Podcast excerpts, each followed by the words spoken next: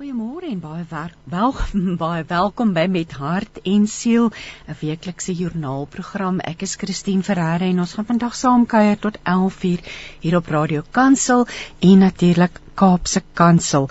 Nou vandag gesels ek met Lisel Stols oor hoe om die effek van egskeiding op jong kinders te bestuur na aanleiding van haar pragtige boekie ehm um, Pikkie se ouers skei. En dan gaan Hilda Stein kom gesels oor hekel en word heel 'n um, tweede boek in hierdie reeks en Melissa Platt van Footprints for Sam vertel oor die liefdadigheidsorganisasie se jongste inisiatief. So bly gerus ingeskakel vir sielskos en inspirasie. Nou as ek aan 'n dink aan 'n tema vir vandag dan is dit oorwinning en en Jesus se woorde staan op en loop. En ek gesels met vroue wat oorkom het en wat oorwin het. En ek wil vir ons lees uit Markus 6 uh, vanaf vers 34 en eintlik net 'n gedeeltjie daarvan wat sê daarna sê hy vir haar dogter jou geloof het jou gered. Gaan in vrede. Wees goed wees vergoed van jou kwaal genees maar ek wil weer herhaal daarna sê vir haar dogter jou geloof het jou gered gaan in vrede So by my in die ateljee is Lisel Stols. Jy woon in die Hartbeespoort Dam omgewing. Lisel, baie welkom by met hart en siel vanoggend. Dankie Christine, dit is so voorreg jy het met jou openingsboodskap nou die wind uit my seile uitgeslaan. En um, ek dink ek moet dit dalk met die luisteraars deel. Ek het skoon trane in my oë So toe ek 'n 13-jarige dogtertjie was, het 'n kar my raak gery en ek het al my bene aan my linkerkant gebreek. En ek was in die hospitaal en ek het uit ek was nog onder narkose en my pa en sy broer het langs my bed gestaan en my hand het opgelig asof ek wou skryf. En my pa het vir die suster gevra om vir hom 'n pen en 'n stuk papier te bring. En sy het gedink hy is nog in baie skok oor wat gebeur het en ek wat daar lê met al die bene wat gebreek is. En sy het hom gevra of sy vir hom iets kan bring om hom te kalmeer en hy het net aangedring nee hy soek 'n papier en 'n pen. En hy het die sy het vir hom 'n ICU papier gegee en hy het dit op my bors neergesit. En my hand hy sê my oë was toe my hand het opgelig en ek het die pen um, in my hand vasgehou en ek het begin skryf. Iemand het in 'n droom vir my gesê: dubbelpunt aanhalingstekens staan op en loop. So hierdie stuk uit nou Markus, jy my uit. Hierdie stuk uit Markus is my persoonlike versie van my lewensverhaal van waarof my gesê het jy moet opstaan en loop as 13-jarige dogtertjie so jy ek is hoendervleis van die Here is. Toe jy nou die Bybel net die oopslaan en ek sien dis Markus, toe dink ek dadelik aan hierdie versie en toe jy dit begin lees, het jy my awesome weggeslaan. Ja, maar die Here is dis net ja. weer eens vir ons 'n bewys of nie bewys nie, herinner ons hy's hier en ja, hy ken ons harte, hy ken die detail van ons lewe. Ek het niks hiervan geweet nie. Ek het die hele tyd gedink die tema van ons program voel in my gees staan op en loop hier staan dit geskryf en dat dit gaan oor oorwinning. So ja. Lisel, sjoe, God is groot, nê. Nee? Ons dit Vader is... leef en Ja, dit van ons lewe, dit wat wat meer kan 'n mens daaroor sê ja, nie. Maar dankie dat jy daardie stukkie met ons gedeel het want dit is nou baie onverwags. Dit was nie beplan nie, maar nie. ja, ek is bly ek kon dit deel en ja, dit was nog altyd my ding om vrouens te inspireer om te sê en ek weet mans kry ook seer in 'n egskeiding, maar om vir vrouens te sê, weet, staan op en, en fight die battle. Ek noem dit altyd in Engels the good fight. Jy ja, fight die good ja. fight vir jouself en vir jou kinders. Want weet jy, ons weet as gelowiges die Here sê hy haat egskeiding en en en, en ons ken al mm. ons ken daardie skrif, maar weet jy dit is ook 'n groot realiteit in baie mense se lewens dat dit ja. wel gebeur, nê. Ja. En Ek dis my so mooi voor in die boek wat jy sê God gebruik allerlei omstandighede tot voordeel van sy koninkryk selfs egskeiding. Ja. So hy vat ons seer en hy draai dit om. En weet jy die woord is vol verhale van pyn en mense wat seer gehad. Kyk na Dawid, kyk na hy het egbreek gepleeg het. Ek dis daar soveel Daar's soveel voorbeelde daarvan in die woord mm. ook, nê, nee? of die vrou by die put wat wat Jesus vir haar gesê het jy is vergewe. So ja, dis 'n onderwerp soos ek sê wat wat daar sterk skrif daaroor, maar daar's ook ja. groot genade nê. En hierdie wys net vir ons ja. God is met ons vandag tydens hierdie gesprek. Ek sit hier met regtig 'n pragtige, pragtige boek in my hand. Um ek wens die luisteraars kan dit sien. Pikkie se ouers skei is die titel. Lisel wat hier langs my sit het die boek geskryf. Die illustrasies is deur Marilise Janse van Rensburg, Renay Venter het die uitlegte gedoen en Dit is 'n pragtboek, maar die doel van hierdie boek is natuurlik kosbaar. Ehm um, vertel vir ons Lisel oor hierdie kinderboek. Wat behels dit? Dit is nie net vir kinders, dis ook vir ouers. Ja. Ehm yeah. um, Pikkie se ouers skei.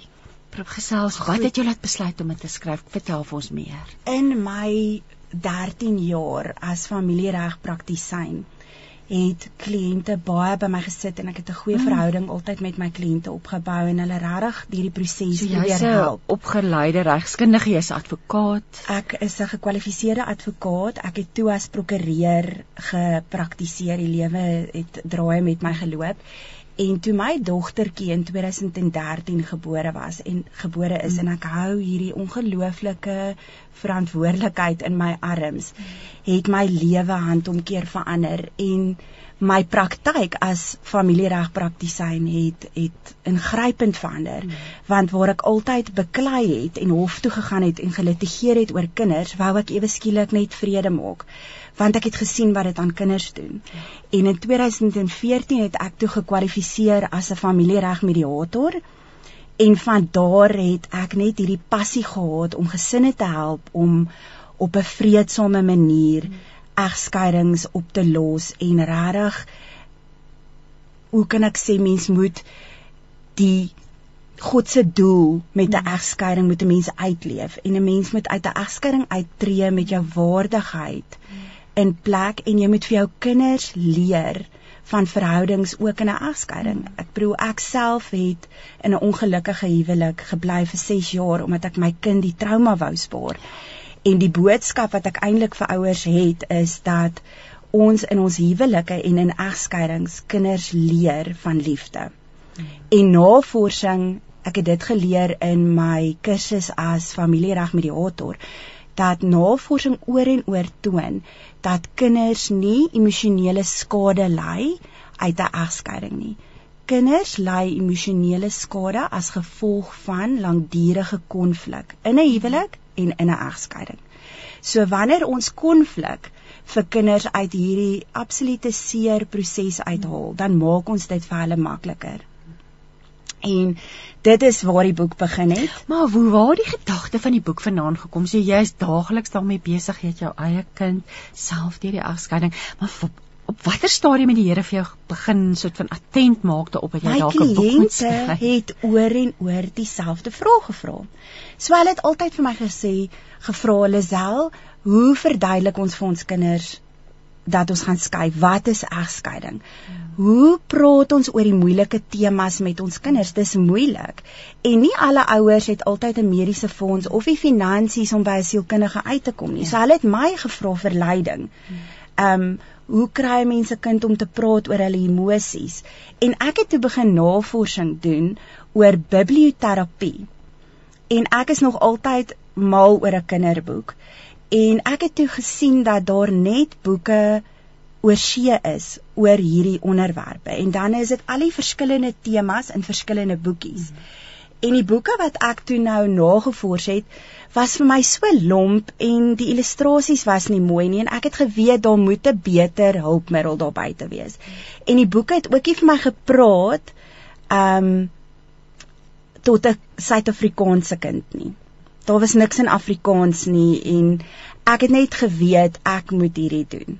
Ja. En ek het letterlik een nag kon ek nie slaap nie en ek het 'n stuk wit papier gevat en 'n potlood en ek het die prenteboek alles in rym begin skryf en ek het die hele boek hmm. met die vyf hooftemas wat kindertjies oor en oor um mee te doen kry. Ek het die 5 temas geskryf. Ek het die hele boek geskryf. En daarna het die Here my regtig op 'n pad geneem waar ek dit vir uitgewers gestuur het en dan sê hulle vir my nee, daar's nie 'n behoefte nie. Hmm, maar jy weet eintlik die teendeel is waar as gevolg van jou daaglikse werk. Ja, want ouers vra my dan heeldag en ek ja. moet toe nou maar met hulle stry en sê maar dit is nie. Na die statistieke van hoeveel huwelike en egskeiding eindig, dan's mens eintlik verbaas, maar weet jy die Here het 'n ander plan gehad. Die Here het 'n ander plan. Hy wou gehad het jy moet dit self uitgee. En so is ek toe nou ook Kaap toe in 2017 met die boek en uitgewers daar het baie belang gestel. Ons was deur die hele proses en toe ons by die punt kom waar ons met kontrak teken het daai ook nie gewerk nie. Hmm. En weer eens wou ek moed verloor, maar God het net vir my gesê Lisel, wat van Pikkie? Elke keer as ek wil vergeet of my droom ja. wil wegpak, dan was daar 'n uh, program of iemand praat oor die radio oor die hmm. impak van kinders egskeidings op kinders en mm. dan het ek net weer gedink Lisel nee jy moet hierdie doen. Hmm. So einde 2018 is ek toe nou uitgenooi na Marlies Jansen van Rensburg ons uitgewer se huis toe vir 'n kuns vroue kuns paint night soos hulle sê. Hmm. En toe ek by haar huis instap en ek sien haar kuns. Hmm. Toe weet ek sy moet hierdie boek illustreer. En ek het dit heeltyd in my kop met dit geloop en ek het vir gesê ek en jy moet bymekaar kom ons moet praat En in Januarie 2019 het ek by haar gesit en ek het vir haar gesê, "Wil jy my vernoot wees? Wil jy saam met my hierdie ding doen?" En sy was so opgewonde want my kinderdroom, snaaks genoeg, was nog altyd om 'n om 'n kinderboek te skryf. En haar kinderdrome was nog altyd en haar droom was nog altyd om te illustreer, maar sy het nie geweet waar om te begin nie. En haar man het oor see gewerk en sy het al gevoel sy het hierdie nodig. So dit het ook oor haar pad gekom met 'n doel. En sy het in 2019 toe begin illustreer aan die boek en toe ons net wil ehm um, printers toe gaan met die boek, toe is dit lockdown. Oh. Ja. En weer eens voel dit vir my, jy's oh, my hierdie boek nou word net weer, gestop. Weer toe, ja. En ons het net aangehou glo in die boek. Ons het alles klaar gemaak en 1 November 2020 het Pikkie die buitewêreld ontmoet oh, en ons is ongelooflik trots op hierdie boek. Maar jy kan regtig wees. Dit is so 'n pragtboek, maar voordat ons bietjie oor die boek gaan gesels, kom ons gaan net gou terug oor jou werk. Wat doen 'n egskeidingsmediator? Want dit is 'n ander roete. Dit is eintlik heeltemal 'n ander roete as wat albei ouers 'n prokureur kry. Mm vertel jy vir my verminder dit 'n bietjie die konflik? Is dit bietjie meer op 'n vriends vriendelike wyse? Wat wat doen jy? So om aan te knoop by my stelling wat ek net nou gemaak het oor konflik wat sleg is vir kinders. Ons kinderwet eintlik kan 'n mens nie sê die kinderwet nie want hy's in Engels gep gepromulgeer so ja. die Children's Act ja. stipuleer dat wanneer daar konflik is en in enige egskeiding moet ouers eers probeer om dit vreedsaam op te los. Hmm. So die wet is eintlik duidelik dat jy moet medieer. Hmm. Maar mediasie is 'n konsep wat in ons land nog eintlik baie nuut is en mense verstaan nie wat mediasie behels nie. Ek het al hoeveel kliënte gehad wat my gebel het dan dink hulle ek doen berading. Hulle moet na my toe kom om 'n huwelik ja. te red. En dit is glad nie wat mediasie is nie. So wat mediasie is, dit is alternatiewe geskil beslegting. So dis 'n alternatief tot die geveg in die hof. Ja. En wat 'n mediator doen en my besigheid se naam is the divorce negotiator want dit verduidelik dit presies. En wat dit is is dat jy die eh, 'n mediator onderhandel die egskeiding. So die man en die vrou kom sit by jou op dieselfde dieselfde vergadering ja. en julle bepraat dan ons man en vrou kom sit by my ek tree nie op vir enige een van hulle nie hulle albei is my kliënte en dat, ek is ja. objektief ja en ek kyk ook na die beste belang van die kinders en ja. omdat ek die regskennis het lei ek hulle deur die proses om self die besluite te neem. En dis ook waar mense huiwerig is om na 'n mediator toe te kom want hulle dink jy's 'n regter mm. en dat jy hulle gaan boelie of hulle ja. gaan lei meer die besluite vir hulle gaan neem in plaas van om hulle te lei en dit is glad nie wat dit is nie.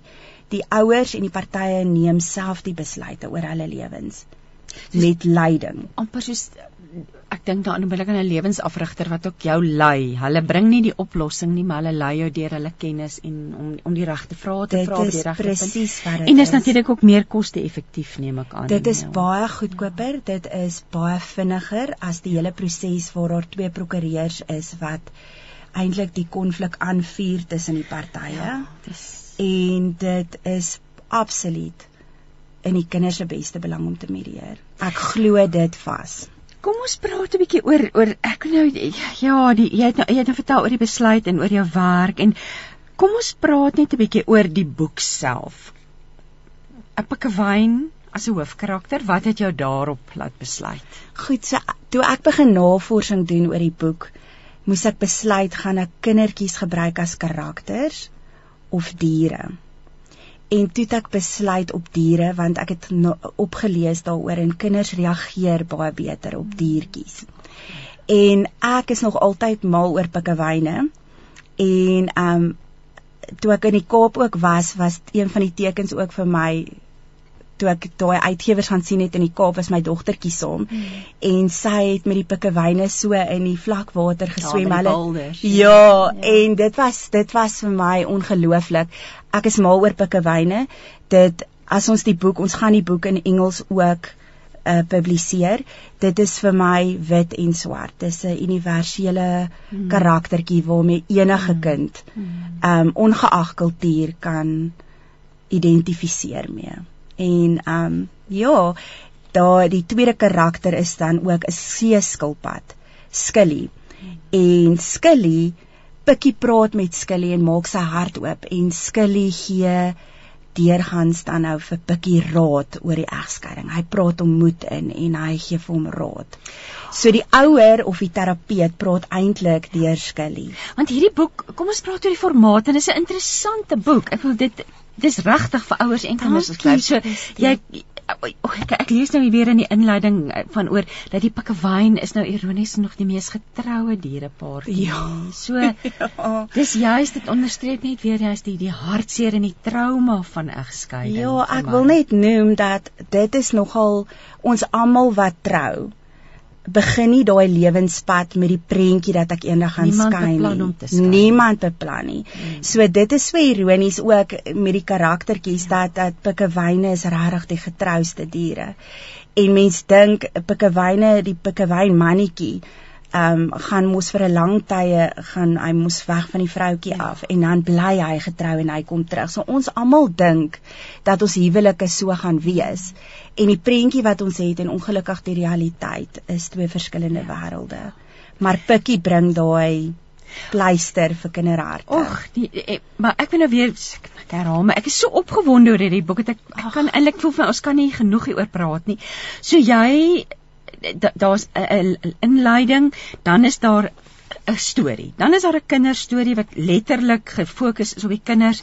Um en dan aan die einde is daar riglyne vir die ouers, ja. want dis 'n voorleesboekie. Ek wil dit is wat is die ouderdom wat jy in gedagte het? Die ouderdom van 'n prenteboek is enige iets van 4 jaar oud.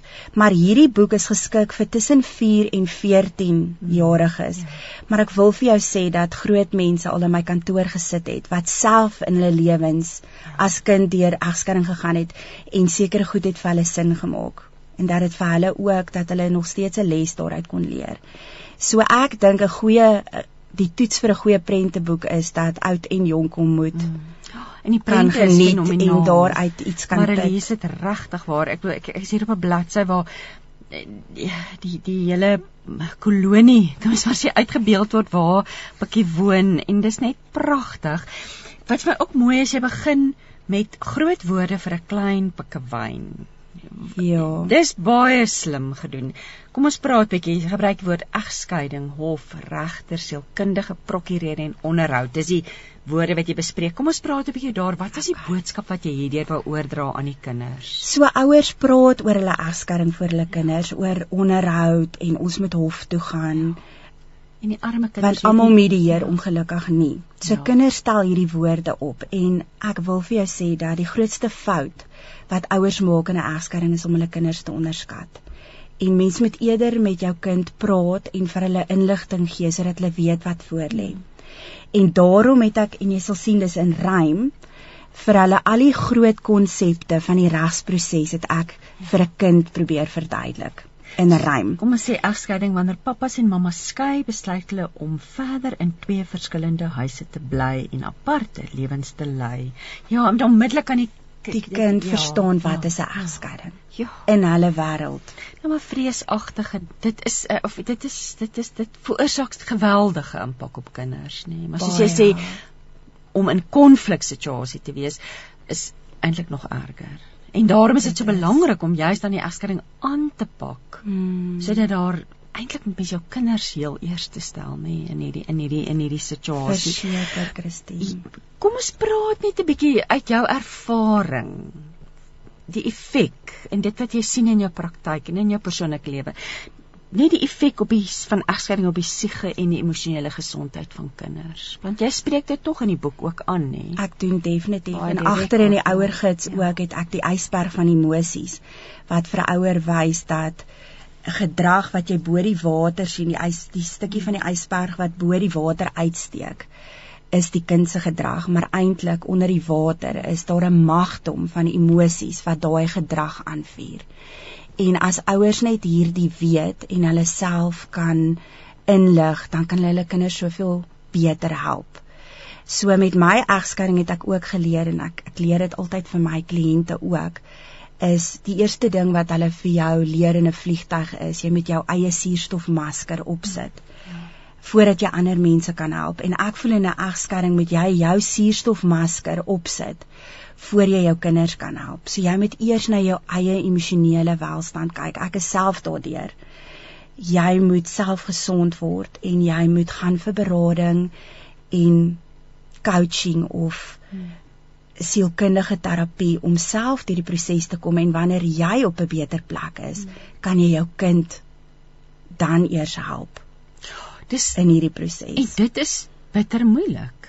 Want jy self so seer, jy self eintlik oorweldig deur die situasie. Ek dink egskeiding is oorweldigend. Um, dit is dis verskriklik want dis die finansies is 'n ja. aspek en hoe gaan ons die bates verdeel en dit het, dit het 'n ingrypende uitwerking op jou hele lewe en dan het jy nou nog hierdie kinders. Ek het eendag gelees in 'n boek skryf 'n ma dat die moeilikste ding wat sy moes doen in 'n egskeiding was om oukei te wees vir haar kinders terwyl haar eie lewe uitmekaar uitval. So dis die grootste uitdaging. Geweldige groot besluite neem wat 'n langtermyn impak op jou lewe en op jou kinders se lewe gaan hê.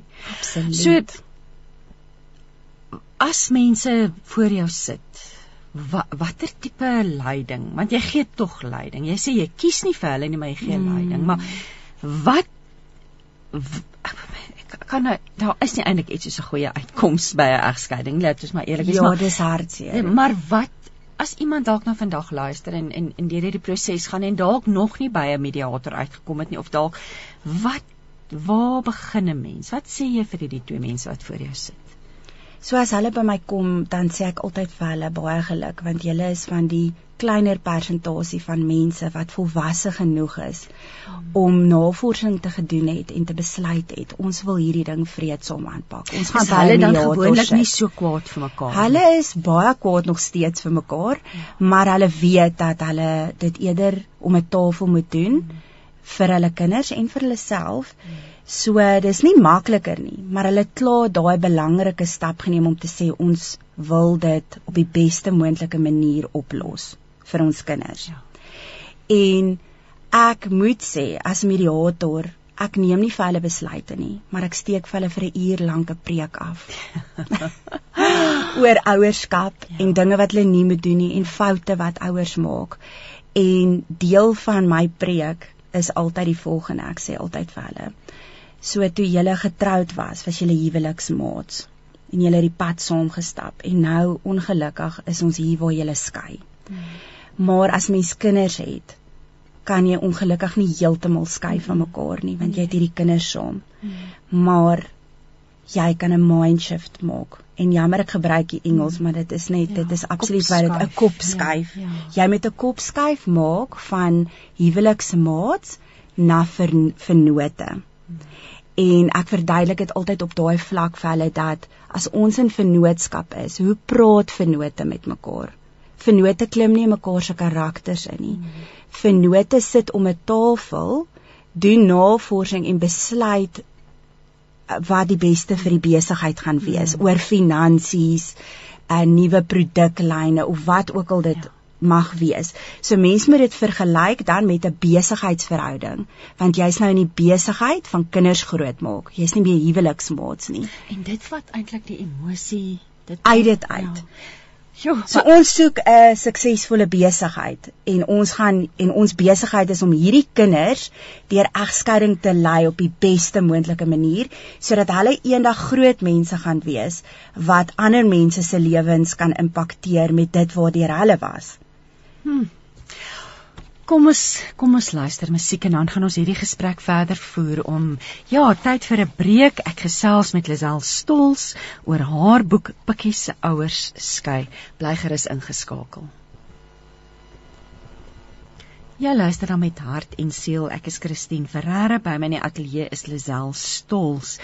Lisel, ons is nou besig om te praat oor hierdie pragtige kinderboek Pikkie se ouers skei, deur geskryf deur jou illustrasies Marlies Jansen van Rensburg en jy het dit ook self uitgegee het. Dit was so mooi vir ons vertel hoe die Here dit wel moontlik gemaak het.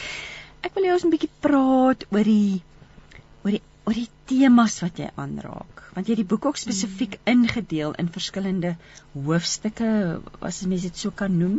Ja. Kom ons praat 'n bietjie. Ons nou gepraat oor die groot woorde vir klein pikkewyne waar jy dan verduidelik en die ouers help. So dis 'n stukkie wat hulle die ouer hulle lees dit voor vir die kleintjie. Ja. Of, of as hy groot genoeg is lees hulle dit self en ja. Ja, die hele boek word voorgeles.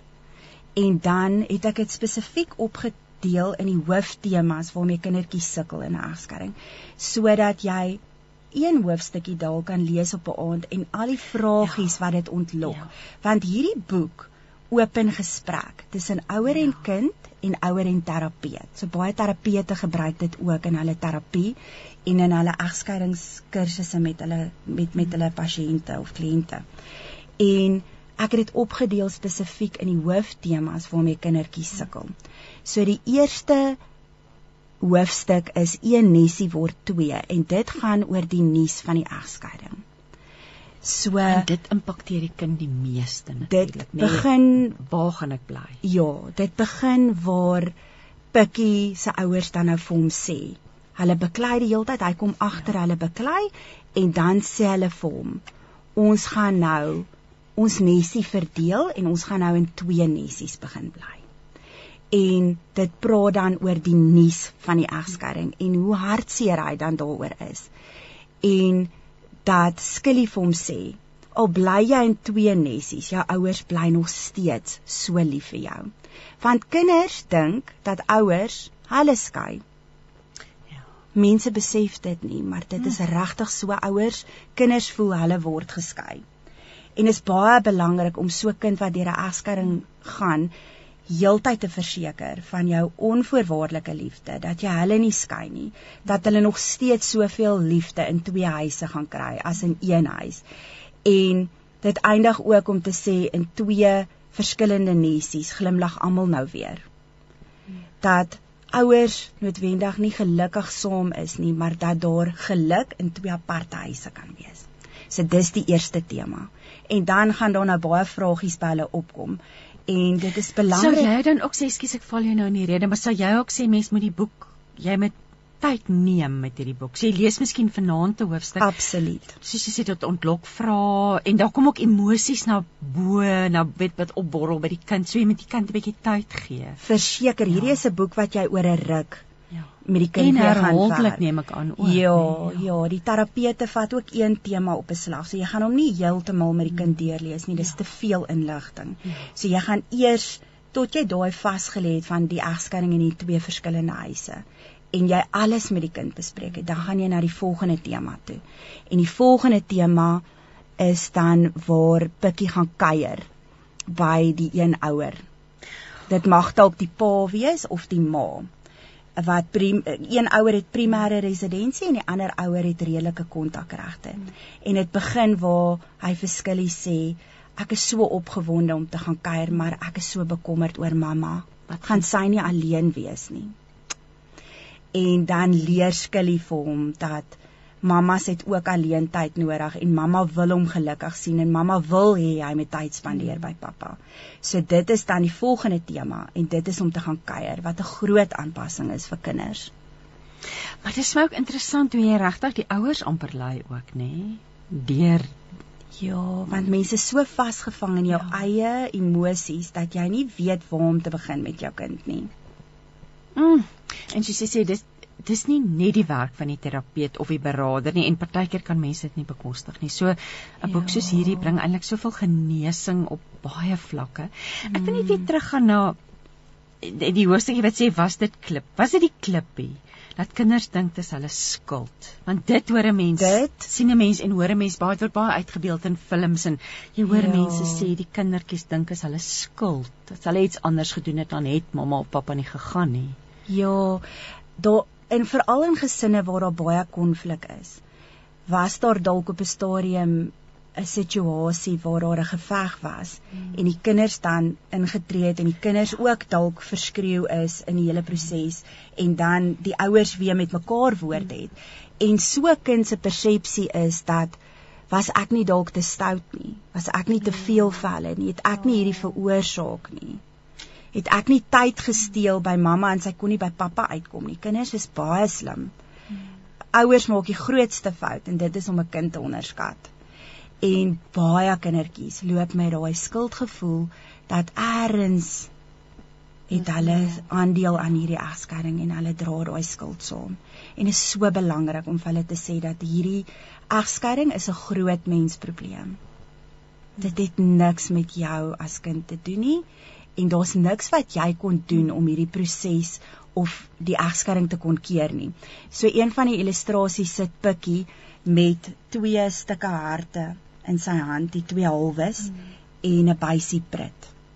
Want hy voel en kinders voel ook na die egskeiding dat hulle iets kan doen ja. om dit weer te herstel as hulle nou mooi praat met mekaar of as ouers veral waar ouers baie goed oor die weg kom na die tyd dan my eie kind was so sy sou teruggekom het na 'n besoek dan sê sy vir my maar julle praat so mooi met mekaar wil julle regtig skei julle ja. praat dan so mooi met mekaar is julle nog lief vir mekaar ja.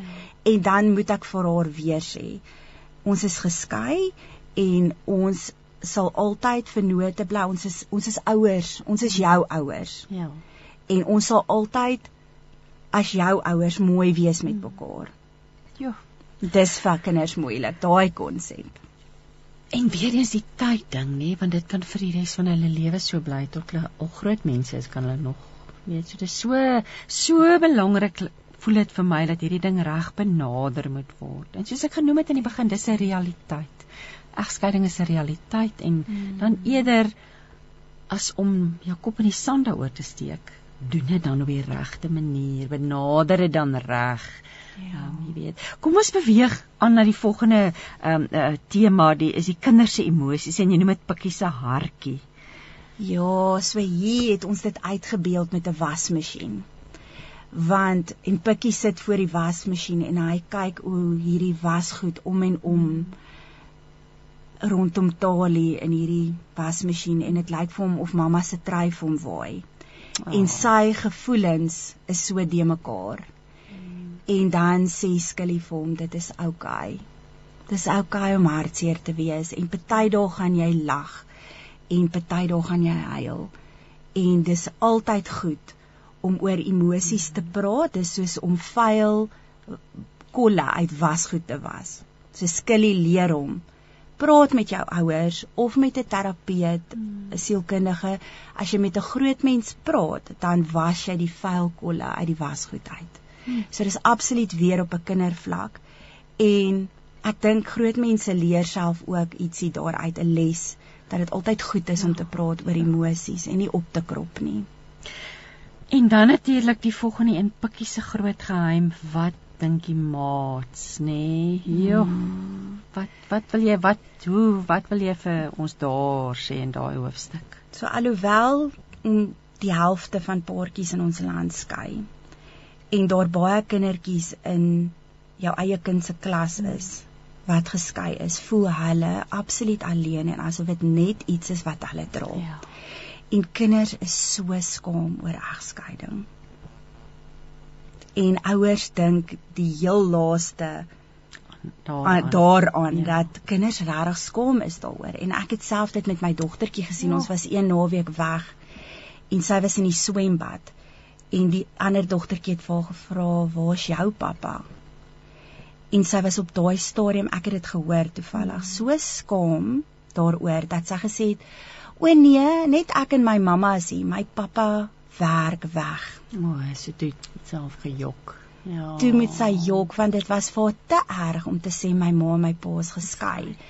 En baie kindertjies weet ook nie wat in huise groot word waar hulle nie gekonfronteer word met egskeiding nie, weet nie wat se egskeiding wat dit beteken eers nie, ja. En ja. of hulle sal 'n maatjie spot en sê jou ma en pa bly in twee verskillende huise. Hulle bedoel dit dalk nie lelik nie, maar dis omdat hulle nie ingelig is nie. So ek wil ook vir ouers sê wat nie deur egskeiding gaan nie dat dit is ongelukkig deel van die lewe en realiteit en net soos ons ons kindertjies leer van sekere ander kinders wat gebreke het en hoe sensitief mens moet optree teenoor 'n gebrek moet 'n mens ook as deel van emosionele intelligensie en daai ontwikkeling nê vir jou kinders leer dat daar is hmm. kindertjies wie se ouers geskei is en dis nie 'n skande nie. Hmm. Hulle word in twee verskillende huise groot. Ja. Dit ja. is daai empatie al van kleins af. Ja, en net Kweek. weet jy, dit is net so. Daar's dit, dit, dit ja, dit is 'n realiteit ja. en jy kan jou kind leer ja. om 'n ander maatjie met deernis te hanteer wat daardeur gaan. Kom ons praat van daar af so ek sien nou ietsie hier raak. Is dit Pom die muis? Ja. Pom die muis sal altyd luister as jy dalk iets vir hom wil fluister. So kom ons soek, soek, soek. Hy's op elke bladsy in die boek. Maak dit die deur bietjie oop vir die kind om sy eie emosies te ondersoek of wat is die rol dit van die muis? Dit is so, die muis het ons ingebring net om bietjie die um moed te lig om dit so te stel. Ja, want ek neem aan so, ek kan maar trane daar raak. Dit is nee. dit is 'n moeilike ja, konsep en tema ja. so om dit net 'n bietjie lig te hou, het ons besluit om in elke illustrasie vir pom weg te steek. So daar waar ons byvoorbeeld gepraat het oor emosies in die wasmasjien, is pom vir my so oulik, dis my gunsteling een. Um hy's op 'n choopie op een van die bladsye. So hy ry op 'n choopie. Oh. Dit was vir my so oulik. So op elke bladsy kruip hy ergens weg en dan as ons klaar gepraat het oor die bladsy dan soek ons gou vir hom. En dan ontlok dit natuurlik weer verdere gesprek. Ja, so dit nee, laat die kind net bietjie ontspan. Kom ons soek gaga ja, vir pom hierso. Dit ja. is so pragtig gedoen. En dan natuurlik die die laaste gedeelte is dan die groot pikkewyn probleme, die ouer gids. Ja. So en maar voor ons daarby uitkom, ek wil die wat uitstaan vir my is mamma en pappa se liefde vir jou. Daai boodskap probeer jy mm. die hele tyd. Dit herhaal in elke hoofstuk, ja. wil ek amper sê. Ja. So elke hoofstuk eindig daarmee dat jou ma en jou pa se liefde vir jou kan nie eindig nie. Hulle is lief vir jou, hulle kan jou nie skei nie. Niks kan jou skei van jou ouers se liefde nie. Niks kan ons skei van van God se liefde nie. Ja. Ja. ja. Ja. So dit dit is wonderlike, maar kom ons ek blaai nou hier aan. Ag, jene, ek dit is te pragtig. Kom ons gaan na die laaste gedeelte en hier is nog al 'n hele klomp praktiese wenke, die groot pikkewyn probleme. Ja. Wat wou jy hier aanspreek?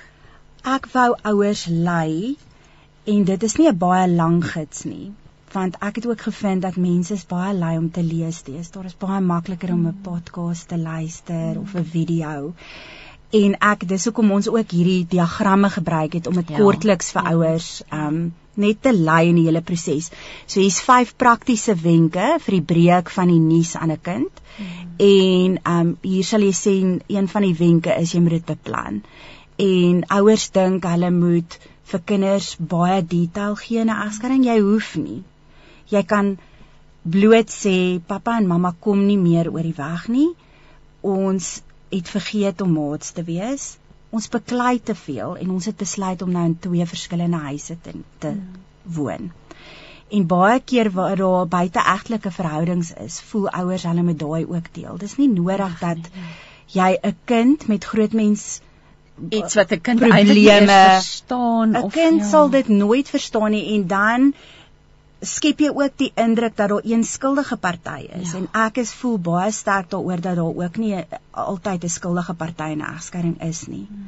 Albei partye is ja skuldig in 'n egskeiding. So ek vang nou hier jy sê die grootste egskeidingsmite is om te sê op watter ouderdom kan kinders self kies waar hulle bly. Ja, dit is 'n vraag as ek 'n rand gehad het vir daai vraag oor die jare elke keer wat ek daai vraag gevra het gevra is dan het ek nou al afgetree. So kinders ehm um, het 'n stem, maar kinders kan nie besluit waar hulle wil bly nie op geen ouderdom nie. En ouers dink dat as 'n kind byvoorbeeld 15 of 16 is, dat hulle oud genoeg is om te besluit waar hulle wil bly. Mm. Dit is nie waar nie. 'n Kind bly 'n kind en ons moet optree in 'n kind se beste belang. Die goue draadjie wat deur die Children's Act vloei, is die beste belang van 'n kind. En jy sê ook daar bestaan geen so ouderdom in die wet nie. Kinders neem nie besluite oor wat in hul beste belang is nie. Ouers of die familieregstelsel doen dit. Ja. En jy sê wat is die grootste fout wat ouers in egskeiding maak? Ja, hulle onderskat kinders heeltemal. Hulle veerkragtigheid of hulle wat hulle regtig eintlik weet wat aangaan en ja. in watter maai hoe ek ek wil dit vir jou ek raak verskriklik kwaad as ouers by my kom en sê ag nee wat kinders is baie resilient dis mos die woord mm. Mm. en dan wil ek vir hulle sê dit bly nog steeds 'n kind mm. so kinder ouers maak die fout na albei kante toe jy oorskat en onderskat 'n kind so jy dink dat 'n kind gaan ag nee wat hierdie kind kan enige iets hanteer. Ek met myself net deur hierdie proses. Hulle raak baie vasgevang in hulle eie emosies ja. en hulle raak selfsugtig en dan die kind moet maar net swem in hierdie hele proses. Mm. So kinders word of geonderskat of geoorskat en ek voel dat ouers belê in kinders se uh,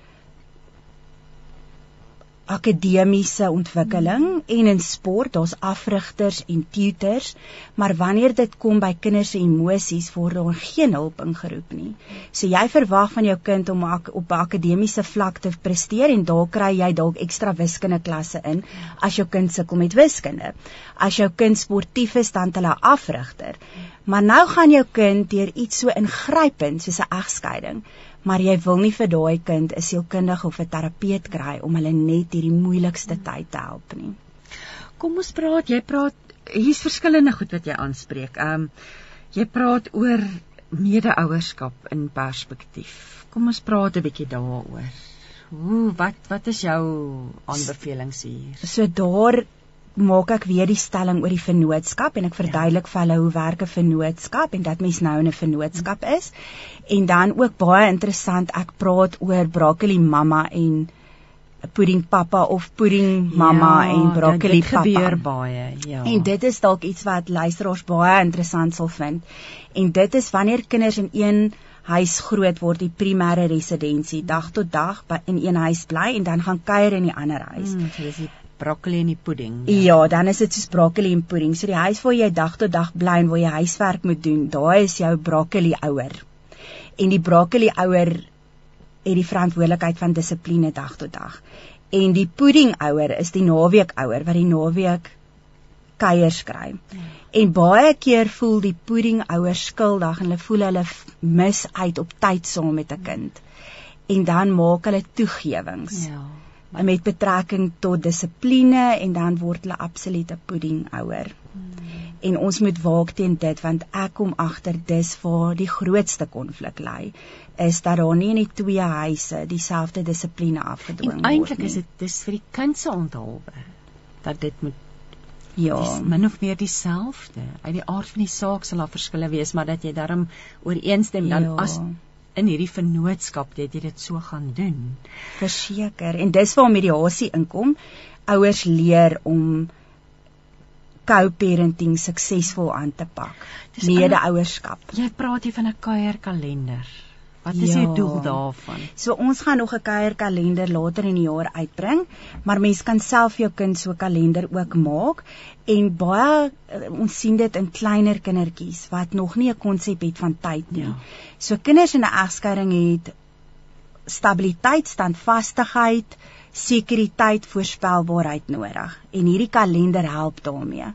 So jy gaan vir 'n kind sê, elke tweede naweek gaan kuier jy by pappa en dan kan 'n mens dit op die yskas plak en hulle kan aftel hoeveel slaapies bly daar oor totdat hulle by pappa gaan kuier. Hmm. Dit gee vir hulle net bietjie daai rustigheid om te weet ek gaan na pappa toe oor soveel slaapies. Ja. En dit kom terug by die voorspelbaarheid en Ja, want jy sê dis ook baie mooi dat jy sê en ek wil nou eintlik vra wat is dit wat kinders dan nou nodig het in hierdie egskeidingssituasie want jy beskryf dit ook hier in die boek. Ja, so ek noem dit daar. Ek sê dat kinders stabiliteit en standvastigheid nodig het, emosionele en fisiese sekuriteit, voorspelbaarheid, struktuur en rotine. En dit is regtig alle kinders het dit nodig, maar hmm. kinders in 'n egskeiding het dit meer nodig. Ja, want alles om hulle is in elk geval. Alles val uit mekaar ja. uit. So gee net vir hulle 'n bietjie daai voorspelbaarheid en rotine om te weet hierdie ouer het my. Jy beweeg dan aan. Jene, dit voel vir my daar's omtrent nie 'n onderwerp, maar wat vir my mooi is, dis dis kort en kragtig. Hmm. Dis pragtig geïllustreer, soos jy sê, dis maklik om te volg. Jy praat hier bietjie oor onaanvaarbare pikkewyn gedrag, want ja. dit natuurlik is een een van die maniere hoe die kinders hulle hartseer uitspeel as dit mense die woord ja. kan gebruik nê wat so maar, kom ons praat 'n bietjie oor die negatiewe emosies wat nie gevoer moet word nie ja en ek sê moenie die negatiewe emosies voer nie ook in die boek ja. en dit is die groot foute wat ouers maak nê en dit is dat partye kinders is nie 'n party tot 'n egskeiding nie en kinders word baie ingesleep Och, ja. as daai silent partye die stil partye hmm. wat eintlik nie raak gesien word nie, maar hulle word gebruik baie keer as pionne in 'n egskeiding. Ja. En dit is baie hartseer dat ouers daarteen waak om die kinders in te sleep as partye in die egskeiding nie. Dan kinders is nie boodskappers of of spioene nie. Ja. En dit gebeur ongelooflik baie waar 'n kind sal gaan kuier vir die naweek en dan kom hulle terug en dan kry hulle 10000 vrae. Wat het julle geëet? Het jy gebad? Ehm um, het julle ergens gaan kuier? Was pappa die heeltyd het pappa by jou geslaap daar, of het ja. mamma wie daar ja. wie was daar? En om dit op 'n kind te laai is baie onregverdig want nou begin kinders voel hulle mag nie praat oor die naweek nie en dan maak jy die hele toegangsregte daai kontak maak jy vir die kind 'n probleem wat nie 'n probleem moet wees en dit moet natuurlik dit moet deel raak van hulle hulle rotine en nou kom hulle terug en nou moet hulle al hierdie ongemaklike vrae beantwoord en kinders is nie dom nie so hulle weet daar is 'n agenda agter die vragies. So ouers moet daarteen waak en dan kinders is ook nie vertrouelinge nie. Uh, baie keer kry ek dat ouers afpak oor hulle emosies by 'n kind en sê ja jou ma dit gedoen of jou pa dit gedoen maak my hart seer. Kinders is nie 'n vertroueling nie. Daarom is daar mense, kundiges, so sielkundiges en beraders en life coaches, lewensafrigters wat 'n mens deur hierdie proses kan help. Jou kind is nie opgewasse om hierdie groot mens probleme op klein skouertjies te dra nie. Dit is absoluut onregverdig. Jo, jy praat met soveel kalmte en wysheid en insig, nê? Nee? En weer eens soos jy gesê het, die Here kan selfs egskeiding hmm. ten goeie laat meewerk tot eer van sy koninkryk, want want jy's jy's diep gelowig. So jy benader ja. so wat ek dit kan raak sien en agterkom hierdie hele besigheid, hierdie hele boek, die hele die hele jou jou die mediatorskap mm. alles vanuit 'n perspektief as gelowige nê. Dit moet 'n mens se basis ja. wees. Dis die, as jy 'n Christen is en jy gaan beloof trou voor God, dan moet jy egskeiding ook beloof voor God. Dit dit klink baie swaar woorde, ja. maar 'n mens moet regtig jou geloofspad aangaan met jou geloofspad en jou kinders wat jou grootste geskenke is oppas in hierdie proses en mens kan nie die pad van egskeiding sonder God aanpak nie en jy moet nog steeds terugkom na jou Christelike beginsels toe. Hmm. En mense vergeet dit want mense is so vasgevang in hulle eie seer. Ja. Ek het nou die dag 'n vrou gehad wat vir my gesê het, "Lisel, ek wou nie meer bid nie. Mhm. Ek het so 'n ongelooflike verhouding met God, maar ek het niks meer gehad om te sê nie. Ek het stil geraak." Dis al ek is seker Dit is daar daar is mense wat graag met jou wil in aanraking kom. So ek wil twee goed vra. Ek wil vra waar is die boek? Waar kan mense Pikkie se ouers skei die boek in die hande kry in die eerste plek en dan waar kan mense jou in die hande kry in terme van mediasie? Goed. So Pikkie se ouers skei het sy eie aanlyn winkel www.pickieandco. Dis die Engelse woorde wat jy uitskryf. Pikkie and a n d co. Pikkie .com and co. and co. Okay, .com. So dis Ja. Okay, so dit so daar kan jy die boek Ja. aanlyn bestel. Ja. Ons het ook 'n Facebook bl- blad Pikkie and Co. Okay. So dis Pikkie en al sy maatjies want ja, ons gaan ja. die reeks nog heel waarskynlik uitbrei na Ja. ander temas toe ook. Ja. En dan ehm um, vir my mediasies is my besigheid se naam The Divorce Negotiator. Okay. En dan as mens dit gaan intik, gaan jy opkom Ja. seker dan. www.thedivorcenegotiator.co.za. Daar sy. Ag Lisel, Kan ek my telefoonnommer jy vir kan, luisteraars gee? Kan jy as jy wil kan Okay, jy. so ja. my nommer is 084 Ja. 596 7396 en ek het ook 'n Facebook bladsy waarop ek baie skryf en deel onder en, jou eie naam dan. uh, onder ook the Divorce Negotiator. die Facebook bladsy ja So daar's talle maniere hoe mense Ja. jou in die hande kan kry. Maar weet jy, Ja. ag, ek dink ons gaan weer moet gesels. Toe vir my Ag. ons tydjie saam is amper te kort vandag. dit was Um, ek dink daar's ontsettend baie vrae. Ek dink dit is 'n baie belangrike onderwerp en ons kan nog lekker diep gaan delf. Maar Lisel, ek net vir sê baie geluk met hierdie projek. Ag. Daar geluk met die boek, geluk met jou hart. Christine. Um ek dink, joh, mens kan eintlik streef daarna dat as 'n mens wel in hierdie posisie kom om te skei, dat 'n mens dit dan doen ja. volgens hierdie riglyne. So baie dankie en Dankie, regtig alle alle seën op jou werk en weer ons staan op en loop net die Here vat ons na ons pyn en hy sit ons op 'n plek waar ons dan ander kan help. Soos jy Nee. tereg gesê het. verseker Baie dankie. dankie Christine Jy luister met hart en siel en nou is Hilda Stein my gas in die ateljee. Hilda was al voorheen op ons program gewees en toe het ons gepraat oor hekel en word heel. Ek sit nou met hekel en word heel 2 in my hand. Hoe hekel weer my lewe gered het en nog 21 stories en patrone. Hilda, Hilda, hoekom 'n tweede boek? Ag, hallo Christine, dis lekker om terug te wees. Baie dankie vir die geleentheid. Weet jy met die eerste boek het ons besef daar's baie stories wat vertel moet word en ehm um, wat ons regtig geroer het is ons het agtergekom baie mense dra maskers. Jy weet ons ek het dit self gedoen. Ek was vir 11 jaar met 'n nassers getroud en as ek die deur agter my toegemaak het, het ek 'n smile op my mond gesit en uitgegaan en almal het gedink daai vrou het die perfekte lewe. En ons almal doen dit. En daar's baie mense daar buite wat dink hulle sit alleen in 'n situasie en eintlik is daar baie mense wat in dieselfde situasie sit en deur die stories te deel kan ons vir iemand anders dalk net 'n stukkie hoop gee en sê weet jy jy's nie alleen in hierdie ding nie. Daar's nog mense wat met dit sukkel. Hoe was die reaksie op Hekel en word heel 1? Dit hy, hy het nie hy het nie 'n nommer 1 gehad nie. Hy was nee, net ja. ja. nee, dit was net hekel en Was word heel. was dit 'n verrassing vir julle gewees? Geweldig. Geweldig. Ek was ehm um, so onkant gevang met die die dit was net oorweldigend geweest die reaksie daarop die mense het absoluut gegryp en selfs mense wat glad nie hekel nie die boek gekoop net vir die stories en van hulle het agterna begin hekel. Ehm um, die stories het hulle geïnspireer om te begin hekel. So dit dit was 'n baie goeie ervaring en dit is as gevolg van daai goeie ervaring wat ons feitelik dadelik aan boek 2 begin werk. So die uitgewer het gesê nee, hierdie werk en dit Yep. yep. word natuurlik deur Lapa uitgegee. Ja. Ja.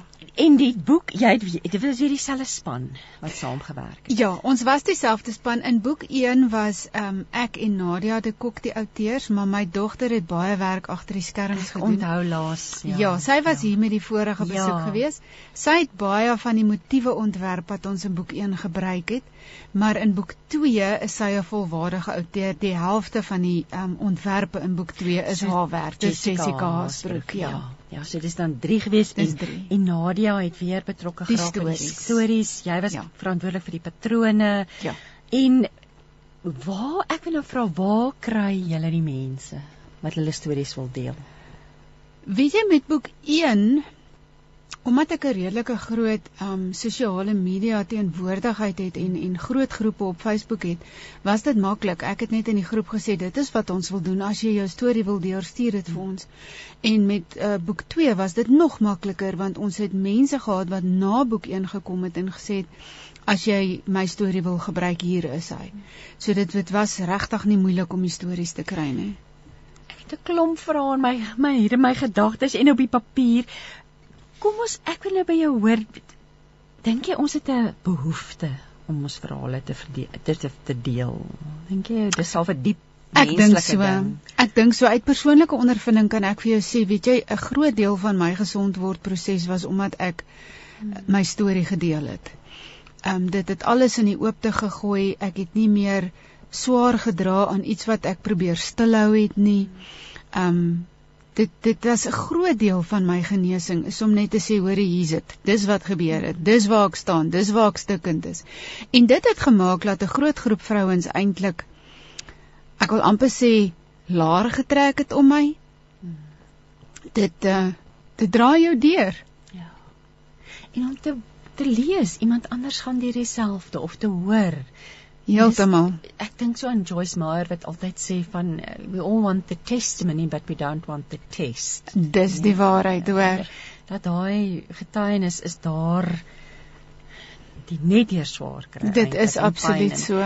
Kom ons praat oor want jou storie was nou in die eerste boek gewees. Um die tweede boek, wat het met jou gebeur sedert die eerste boek? Wat gebeur met jou alles in jou? Weet jy, ons het na die eerste boek seker 'n maand of twee hoogstens 'n breek gevat en toe het ons dadelik aan boek 2 begin werk. En ons het verskriklik hard gewerk in 2019 om boek 2 ehm um, klaar te kry want die eerste boek is vrygestel in Mei maand 2019 en ons het groot hoop gehad dat boek 2 in Mei of Junie 2020 vrygestel gaan word en toe gebeur Covid. Ja. So ons het uh, die 14de Maart het ons die fotos sessies gehad en dit alles afgehandel en met groot um, opgewondenheid vir Lapa die manuskrip gestuur en toe val alles plat. Toe is dit nou maar sit en wag. Ja. En ehm um, laas jaar buite in Covid, die Here was goed vir my. Ek het nog nie Covid gehad nie, maar Laas jaar was rof. Die, ek het skryf daar was chaos yes, in jou persoonlike lewe. Dit was verskriklik. Eers het my boerboel met my probeer speel toe ek nie reg was nie. Toe ruk ek al die ligamente in my regter um, enkel af. So ek het 'n paar weke met 'n moonboot op my sterre gesit en so gefrustreerd. Ek het gejukkel. Ek het gejukkel. En net daarna toe um, het ek 'n enorme gewas in my buik gehad wat toe Augustus laas jaar uitgehaal is. Dit was 8.55 kg met die ding geweeg. So dit was 'n astronomiese operasie geweest. So toe die boek uiteindelik uitkom, was dit vir my ekstra lekker. Hoorie maar weer eens, die Here weet totaal gebeur want jy het so hard gewerk in 2019. Ja. Jy sou dit nie kon doen. Ek was doodmoeg. Jy sou dit nie kon doen met al hierdie dinge wat in jou lewe gebeur het nie, nee. Glad nie. Dit was vir my goed dat die boek 'n jaar gestaan en wag het. Maar dit is ja. net so mooi in die inleiding wat jy ook weer sê, ehm um, Maar elke dag sonder uitsondering as ek my hekelpen gevat en begin werk het, het die angstigheid bedaar, die klip het ligter geraak en uiteindelik verdwyn. Met elke steek het ek makliker asemhaal en minder gebewe. Uiteindelik was ek rustig en kon ek verder ontwerp tot die hmm. volgende dag.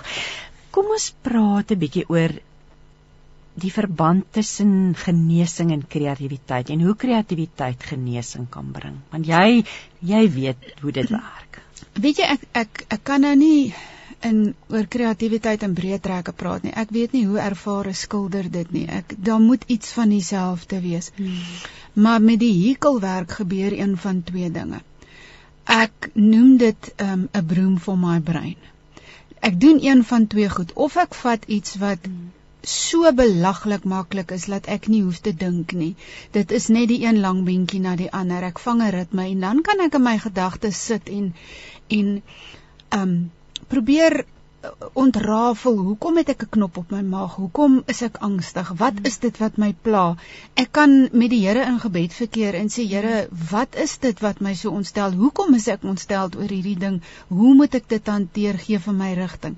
Daai is die een deel en dan is daar ander kere wat my gedagtes net so wild met my weghardloop, laat ek iets baie moeilik gaan soek.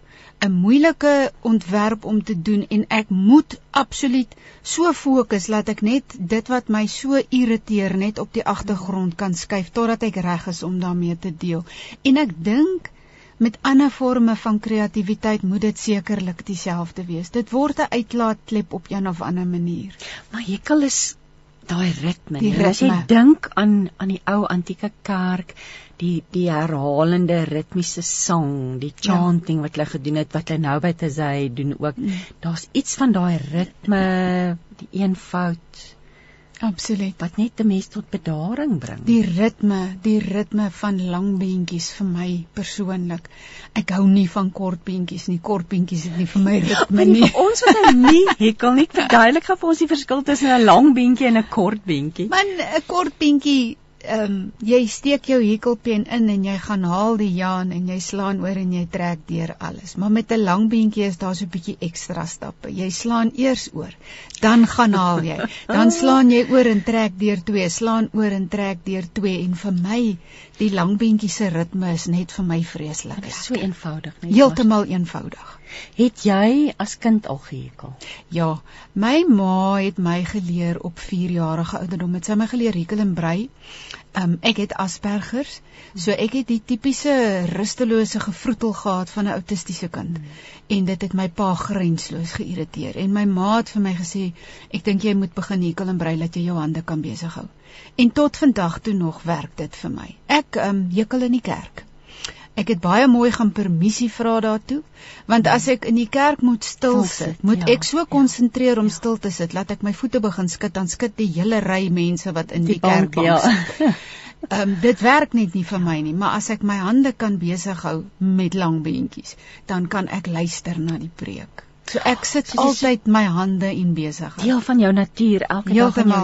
Soos jy opstaan in die oggend en dan begin jy al. En hoe ongelooflik is dit eintlik jou beroep jou loopbaan geword het en ja, nee, dit is nogal dit is so seëning uit die Here se hand uit dat iets wat so lewensaar vir my geword het op die ou einde vir my bietjie geld kon inbring. Kom ons praat bietjie oor verlede jaar en ons jy, ons jy het nou vertel van die boek en en al die dinge wat met jou gesondheid gebeur het, maar uit die aard van die saak kon jy nie uh, jy kon nie klasse aanbied nie. Jou inkomste het seker redelik opgedroog. Ja, en ehm um, toe die Caxton tydskrifgroep toegemaak het, het ja, ek inkomste verloor want ek het vir vroue keer ontwerp. Ja. Dit was nogal 'n 'n harde onverwagte slag. Ja. Dit was nie lekker nie. Ek dink vir baie mense um, daai groep tydskrifte wat toegemaak ja, het. Ja. Maar ja. ek het daarmee 'n goeie konstante inkomste ehm um, met 'n platform wat ek het. Patreon. Ja. As 'n platform waarop kunstenaars van alle tipe goed kan kan deel en mense betaal om die om, om die inhoud te sien. Ja. ja. ja. So dit is um opleidingsvideo's, kort video's wat 'n tegniek wys wat verduidelik hoekom gebruik ons dit, hoe gebruik ons dit en daardeur het ek nog ek kon oorleef met dit. Was dit al in plek voor ja, voor dit was. Grendel so ja. weer eens. Ja. Weet jy, wes hoor van so baie stories dat mense se goed was in plek. Dit was in plek. Dit, dit was reg. En weet jy wat vir my so kosbaar is, nê? Nee? Ons het ehm um, heelwat inkomste verloor. Maar ons het elke maand net genoeg. Mm. Daar's nie ekstra nie, daar's nie om rond te gooi nie, maar ons het ook nie tekort nie. Die Here het werklik elke maand voorsien die lieflike verhaal van die weduwee se kruik nee, so. Daar sal altyd genoeg meel en olie wees sodat jy so. en jou seun en Elia wat by haar gebly het so. die brood kon gehad het, nee. Ja. Kom ons ek wil hê ons moet bietjie gesels oor oor oor van die stories in die boek um en en bietjie ja en en dan natuurlik by die patrone moet ons by uitkom. Ek is seker daar's luisteraars wat baie bedrewe hekelaars wat noem mense dit? Hekelaars. Hekelaar. Ja. wat graag sal weet oor die patrone. Ja. Um maar ek wil eers ja, kom ons praat 'n bietjie oor van die geneesingsstories. Ek ek ek hoe hoe, hoe Kom ek vertel is al gunstelinge. Kom ons ja, ja. Kom ek vertel vir jou van 'n paar. Daar's daar's 'n paar gunstelinge vir my in die boek en die rede hoekom dit gunsteling is is omdat dit mense is wat ek persoonlik ken ja. en 'n pad mee stap. Hmm. Ehm um, die heel eerste storie in die boek Bren se bootjie. Bren ehm um, Grobler is ehm um, sy's 'n ontwerper, sy ontwerp hekelpatrone. Sy ontwerp deesdae ook breipatrone en sy het 'n uh, ehm um, 'n Jaanwinkel onder in die Parel. En haar seun is oorlede 29 Januarie 2019 in 'n motorfietsongeluk. Hmm. En ehm um, weet jy ons die hele hekelwêreld het saam met haar gehuil want dit was vir ons almal um verskriklik om te sien die die seer van mm. iemand wat jy so liefhet. En maar ek het ook daaruit geleer en weet jy wat het ek geleer? Ons praat dikwels sonder om te dink. Mm. Ek het um ek het baie met Bren gesels en iets wat sy vir my gesê het is sy wil nie hoor dat iemand vir haar sê ek verstaan nie. Want as jy nog nie self 'n kind aan die dood afgestaan het nie, dan verstaan jy nie. En ek het daar so gekyk en gedink, weet jy, ek ek hoor wat jy sê, dit maak vir my sin, want ek het geen konsep daarvan nie. Ek kan myself nie eers die seer indink om 'n kind te verloor nie. Ek ek ek kan nie tot daar dink nie. Um en sy sy het lank gevat voor sy weer kon hekel. Dit was vir haar en sy het actually 'n uitlaatklep gekry met skryf sy het 'n blok begin en sy het vir haar kind briewe geskryf en deur daai kreatiewe sy van skryfwerk het sy weer haar hekelwerk kon terugvat en dit was vir my pragtig om te sien. So die kreatiwiteit is nie beperk tot hekelwerk nie, daar's ander goed wat uitkom wat help om jou deur hierdie ding te dra. Haar storie eindig met die woorde niks maak so diep gesond soos handwerk nie, sê Bren, iemand wat weet. Dis die waarheid. Ek is nou geïnteresseerd want ek wil graag nog van die stories hoor, maar as 'n mens so die die die boek is so uitgelê dat daar's die storie en dan is daar die resep. Ag, dan die resep. Jy kan hom maar 'n resep noem. Dan is daar die patroon. Ja, ons het ons het by elke patroon is is daar 'n verband tussen die storie en die patroon. Ehm um, daar's nie regtig 'n verband nie, dit, dit pas verband. net vir my by mekaar. Ja. Soos Bren se storie gaan oor haar seun wat oorlede is en die patroon wat ek daarbey gesit het was 'n trui wat geskik is vir beide 'n man en 'n vrou. So sy kan hom vir haarself maak en sy kan dink aan haar seun. Hmm. Dis dis 'n unisex trui. Toe my my pa oorlede is dit my ma soos sy truie gedra die eerste ou ruk. Ja, ja dis tog troosie, ja, nee. Ja. So so jy en en dan wat het eers nou gekom, die hoender of die eier, weet jy, die storie of die die patroon gelykertyd? Ehm um, Ons het actually en en dit dis net weer 'n bewys van hoe die hand van die Here in die boek was want Nadia het gehardloop met die stories. Ek het nie geweet wat die stories gaan wees nie. Ek en Jessica het gehardloop met die patrone en Nadia het nie geweet wat die patrone gaan wees nie, maar toe ons na die tyd sit en die goed neersit, toe staan vir elkeen 'n maatjie wat pas. Is dit nie wonderlik? Dit is wonderlik. En dan en ek neem aan dis vreeslik bevredigend. As Geweldig. jy kan sien o, nou is ons by die laaste stampe en stote van die boek.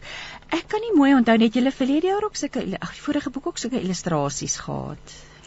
Waterverf van dis pragtig. Nee, nee. Ek dink nie so dit nie. Dit was nie daar nie. Die waterverf wat hulle hierdie keer ingebring het is pragtig. Dit was nou die uitlegkunste. Dis Jessica nou die lang ja. sirkel serp. Ja. Kom ons ek weet nie ek weet nie hoe lyk ons vir tyd nie, maar kom ons ek dink daar is darm nog tyd, maar ek kom ons gesels 'n bietjie oor oor nog van hierdie stories wat uitstaan.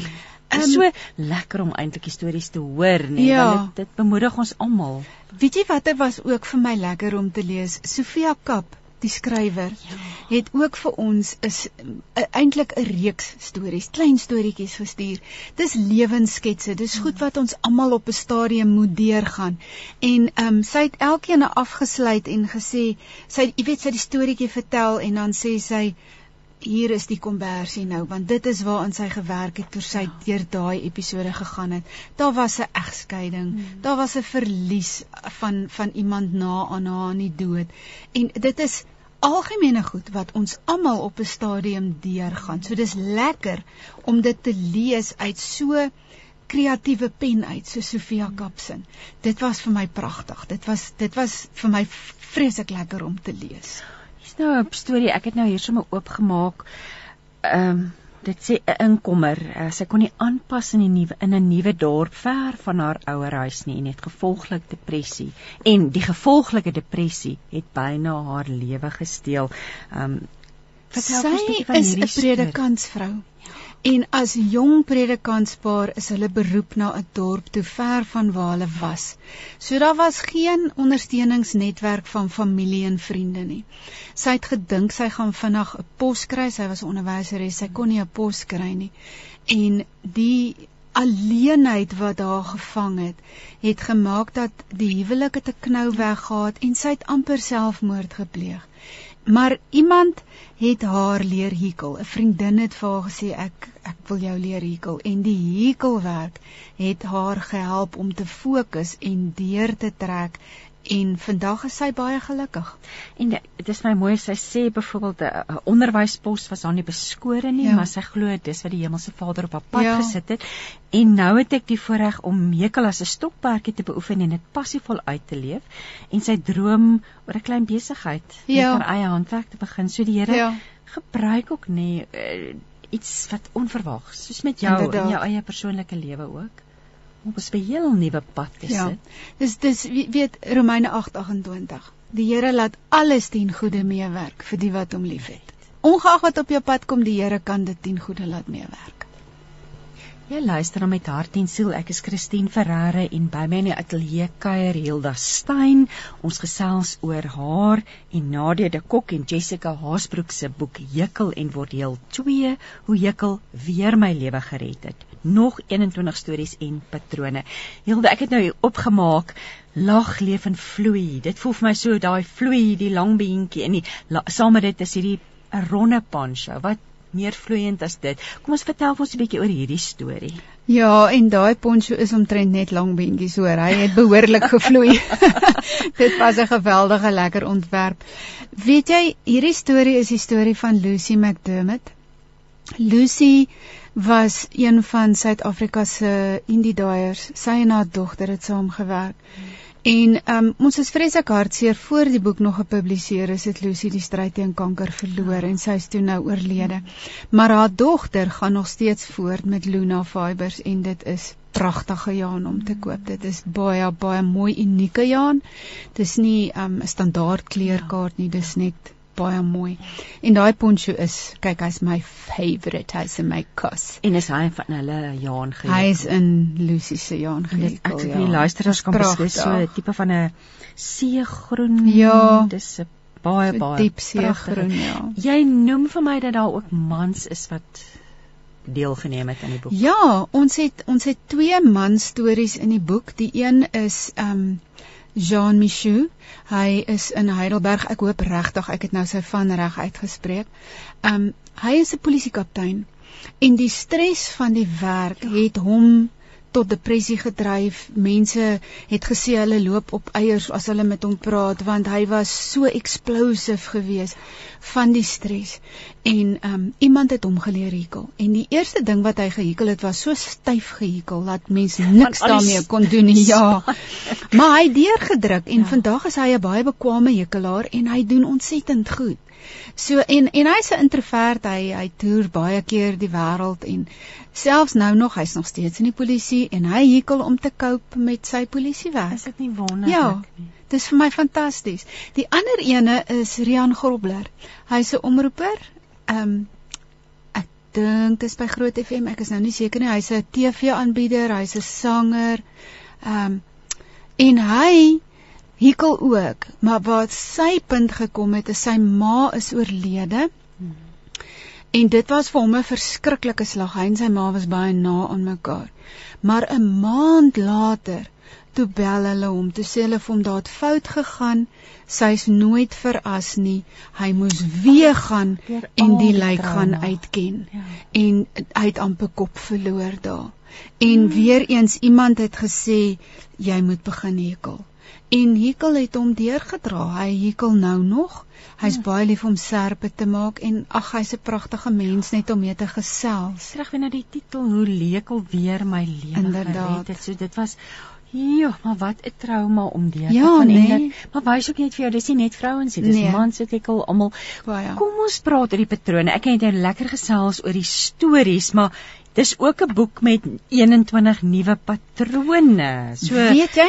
Kom ons vertel vir ons wat het jy jy en jou dogter het, het al die patrone ontwerp, ja, nee. Ons het al die patrone ontwerp, maar eintlik is dit nie patrone nie. Eintlik is dit metodes. Ek gaan vir jou sê wat die verskil is. Ons het dit metodes genoem. Nee, kan nie, nee. Dis okay. Met 'n patroon gaan ons vir jou voorskryf jy moet hierdie tipe wol gebruik.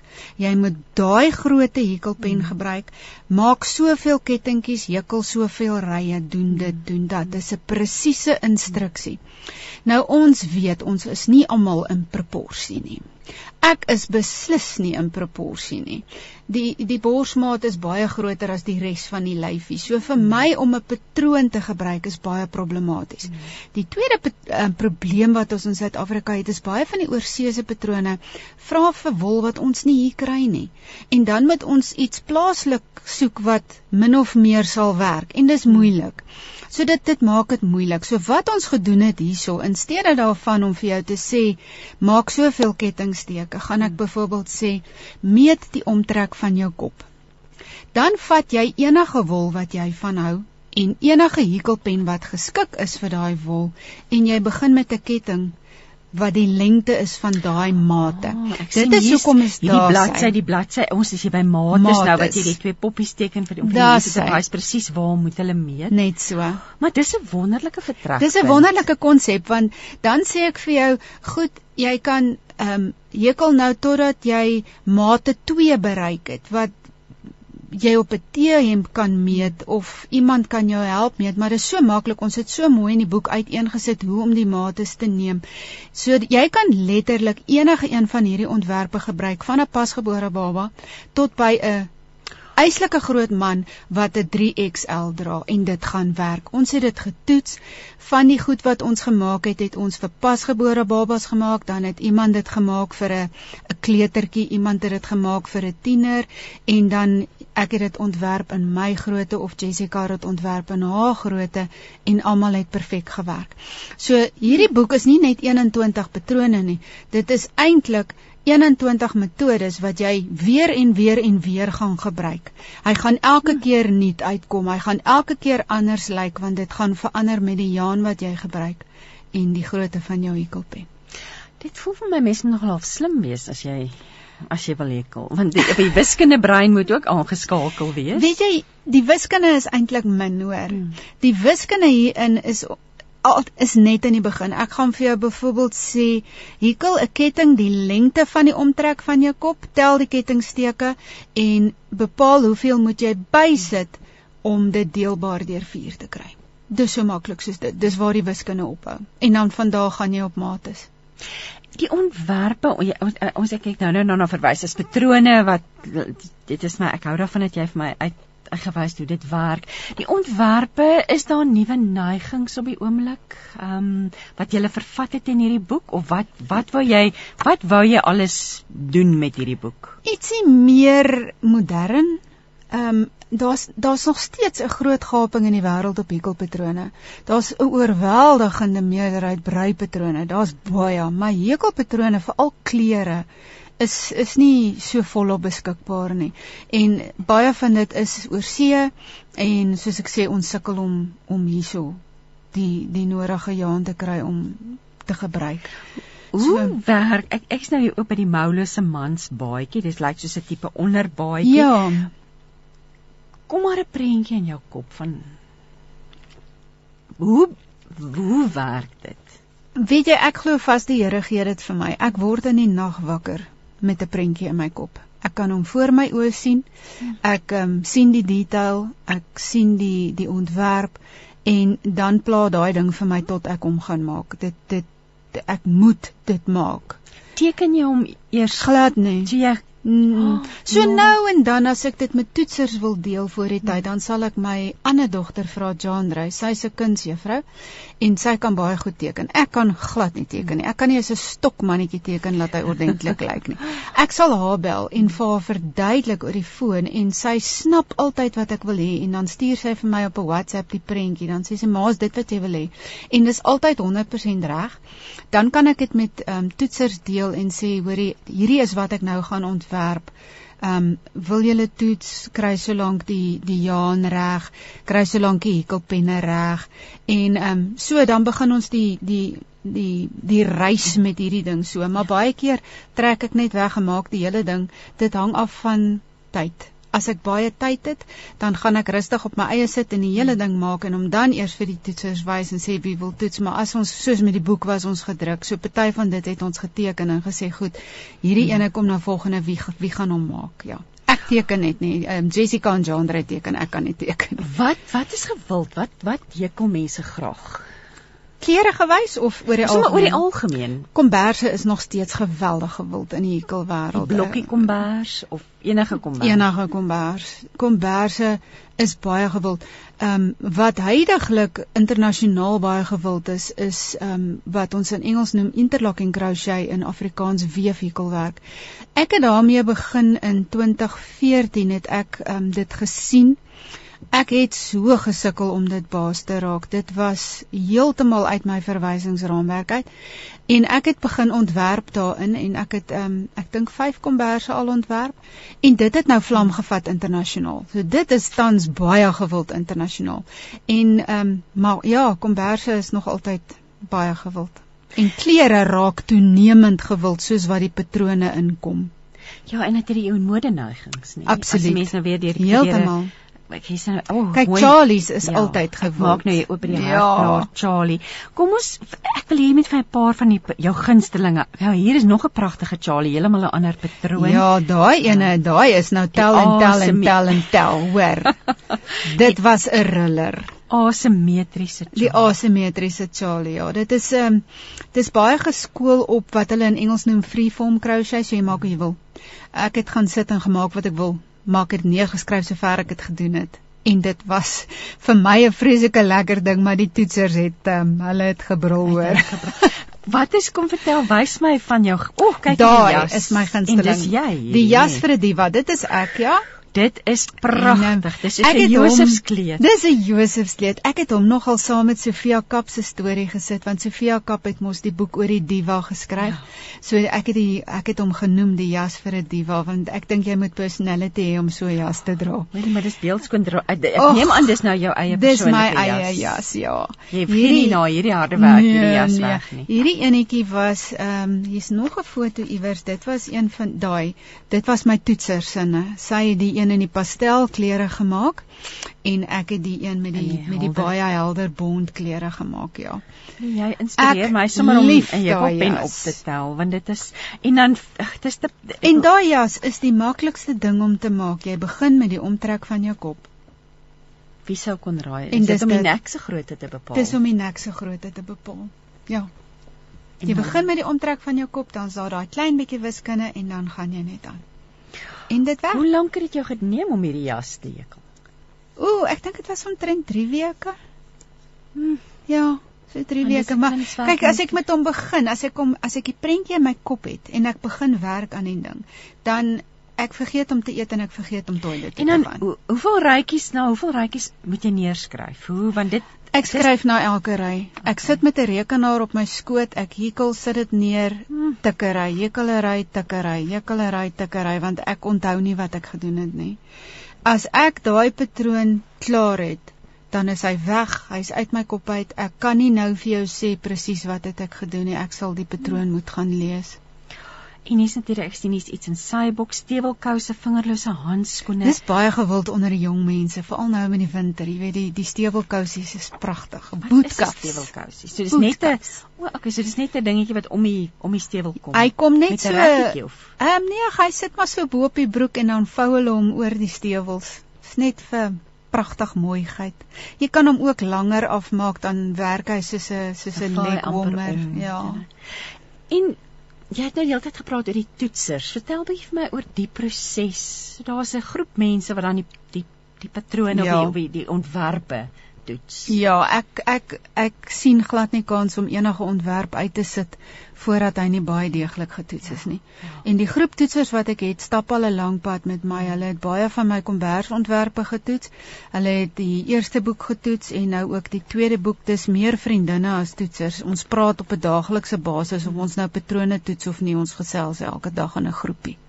Ag, dit ja. dis dis Hulle dra my absoluut. Dit is sisterhood as ja Absoluut. Dis nou vir baie gepas. ons boek. bid saam, ons oh. huil saam, ons jukkel saam, ons brei saam. Oh, kyk net hierdie mooi, die bonusprojek, die die Vrafel Charlie, die Vrafel. Wat hoe spreek jy? Vrafel Charlie.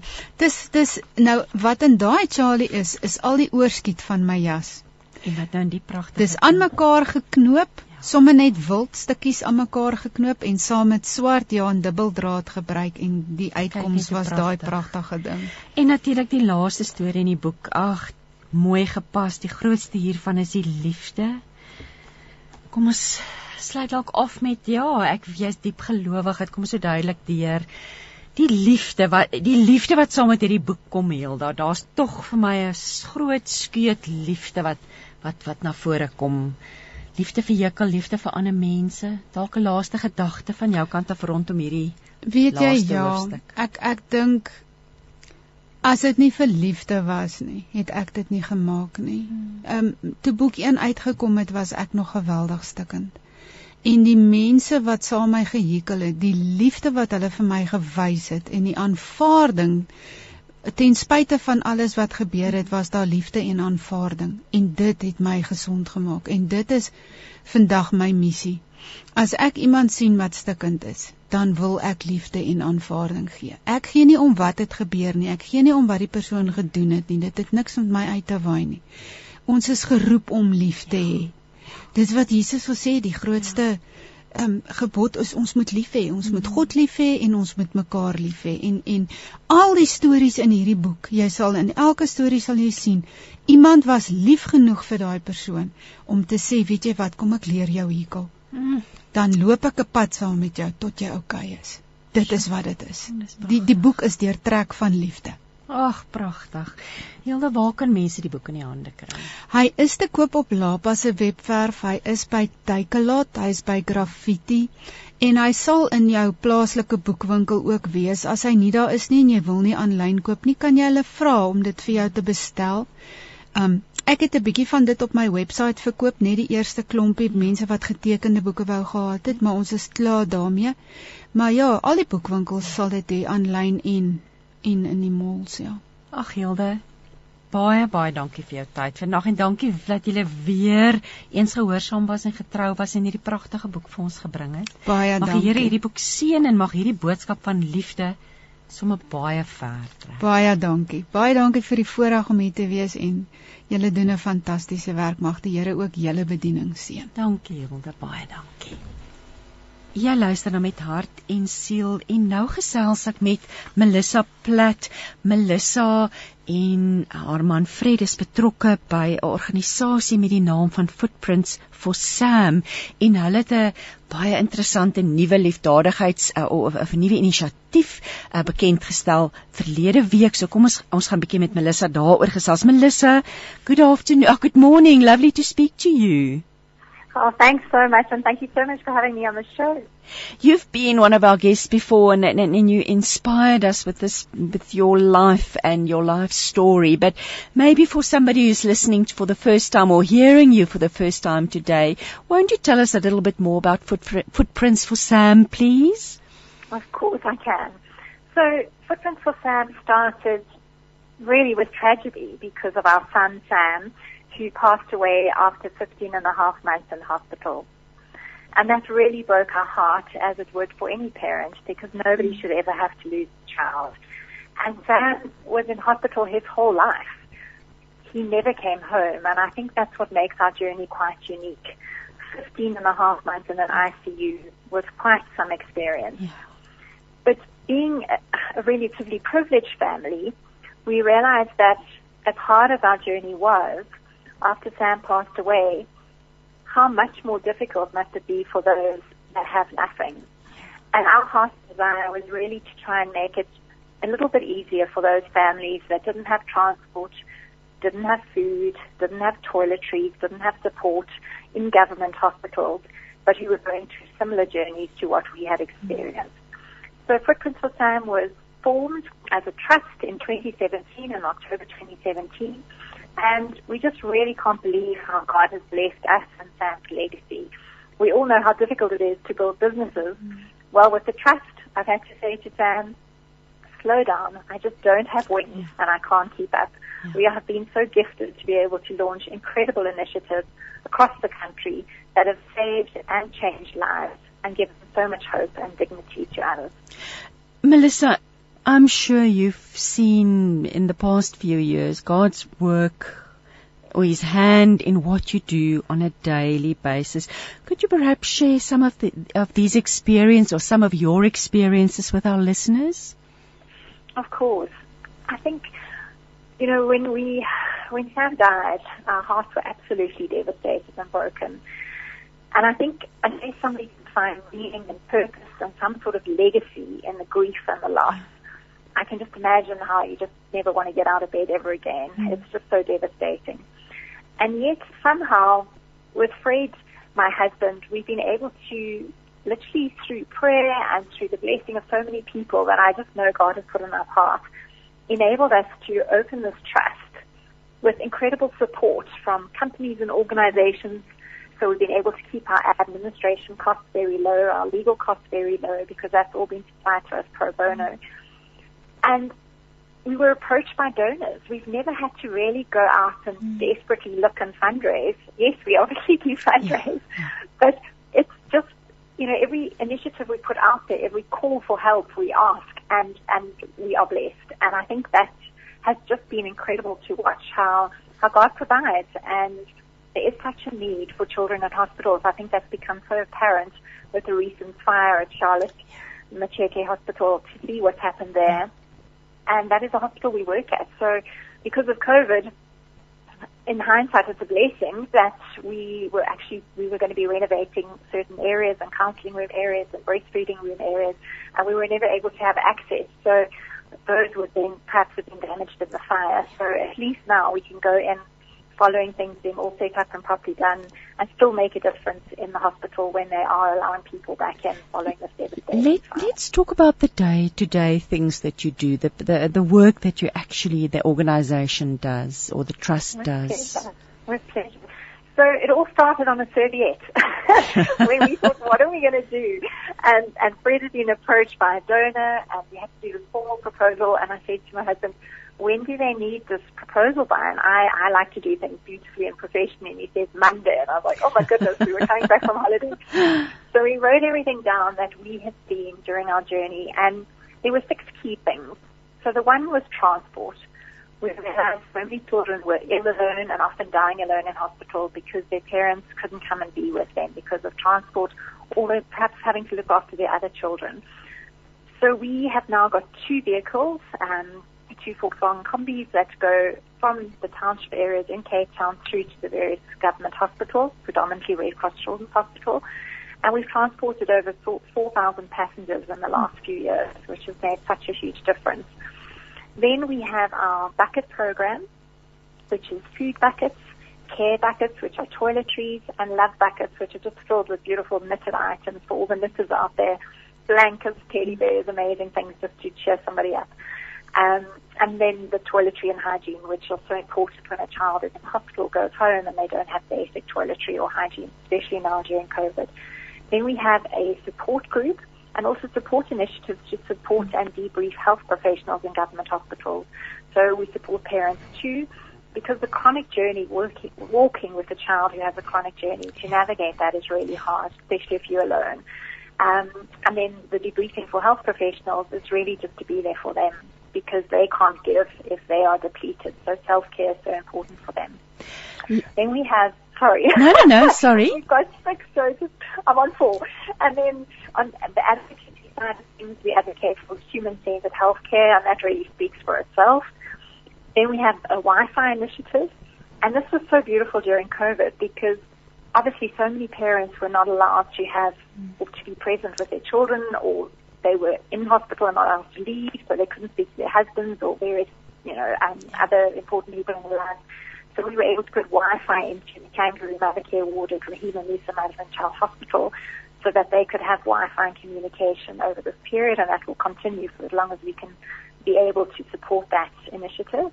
And then finally, one of our most beautiful projects is our Beautiful Memory Project, and that is building and renovating essential spaces within government hospitals because a child, if they are in ICU, cannot heal if they spend months and months there. Mm. And parents to be stuck in a white cold ICU is just mm. traumatic. So we try and make these spaces beautiful both for patients, parents, and health professionals to inspire them and give them dignity.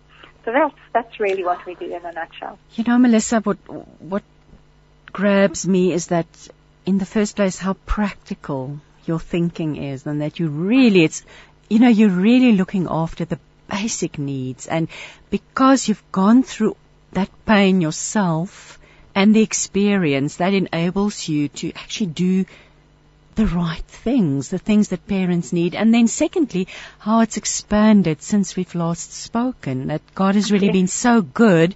I mean, uh, this Wi-Fi initiative, because I, my next question is that I wanted to ask you, I want to ask you, what effect has the COVID pandemic and, and, and lockdown and, and everything that comes along with it, what that has had on your work? Oh, it's been quite, I mean, you can imagine kind of the multifaceted impact it has had. So first and foremost, obviously our fundraising was dramatically impacted because we couldn't do any face-to-face fundraising. And our biggest fundraiser every year is our annual charity dinner where we raise substantial funds. But you couldn't obviously put 200, 300 people in a room yeah. for the last year, nor yeah. again this year. So that's not going to happen. So we had to look at things differently, and I'll tell you a bit about the new initiative um, following this conversation and what we're doing now. It was really important was to look at, as you say, the basic needs that we supply. And these basic needs were, were really exasperated over COVID. Mm. And a lot of the children, especially those who need transport, we obviously can't transport everybody. And a lot of the kids who are immunocompromised to then get into public mm. transport to get to their clinics or to collect um, uh, any medication or anything was really hard and also dangerous. So we were able to extend our transport service to not only delivering food, but also their chronic medication. And I think this made a huge difference to many families. And I'm just so touched every day. Again, you just hear God's voice where these kids phone. Apparently now they say, where's Sam? I need a lift home. and, oh, and we get these sweet. voice messages and we get these notes from moms just really just saying thank you so much because you can imagine a child, they have to get up at like four o'clock in the morning with the child, with the ventilator. Mm. Often these kids are on trackies or breathing devices or in assisted kind of wheelchairs. And then trying to get all of that paraphernalia onto a fast moving taxi. And then they have to change two or three times. Mm. And they have to do this twice. And then they have to for hours in the hospital. Mm. So instead now they get VIP service, door to door. Mm. And we such we are so privileged to be able to do that because of our incredible donors who support us. And I think because of what you said, it's very tangible and they can see the impact. Mm. Um, we've got very very loyal support. Let tell us about the obviously, like you said, you had to make plans. The the the, the gala dinner, the the fundraiser can't take place. It couldn't take place last year, so you had to come up with new ideas, because I mean the the, the need is never going to stop. That's an going to be an ongoing thing, and you came up with uh, something that you call the Footprints for Sam World Giving Series. Tell us what that is all about, please, Melissa.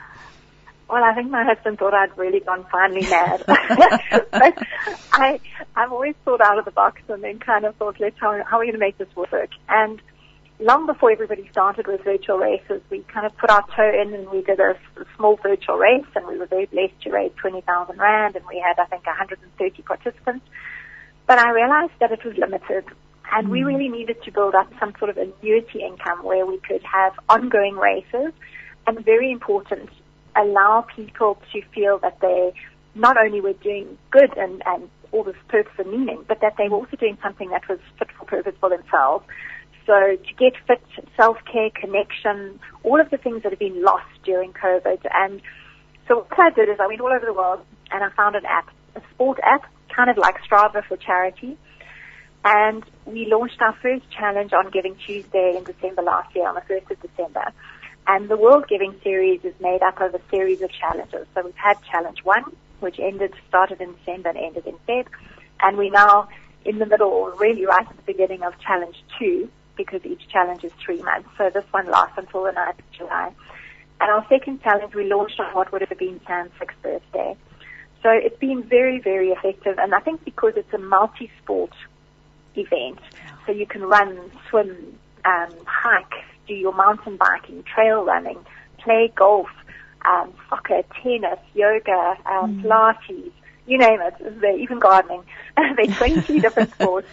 And you can have different teams. You can challenge your neighbors, your friends, your family, your clients, your suppliers. Uh, you can have company teams, challenge your marketing or sales department. And it's just amazing. We had 314 participants in the last event. Currently in this one, we've got, I think, 270 and climbing. Um, it's just a week and a half in. So registration never closes. So people can still join. They just go onto our website and um, sign up and bring their teams and friends, and it's super fun. It's 180 rand, and that money goes towards our Beautiful Memories initiative, mm-hmm. which is where we renovate the hospital spaces. Our big project at the moment, our big dream, is to renovate the neonatal ICU at Rahima Moosa Mother and Child Hospital, which is in desperate need of renovation. So we've already started, but that's going to be oh, probably 20 million to do. Yeah. So we need everybody to really get involved and support this amazing initiative.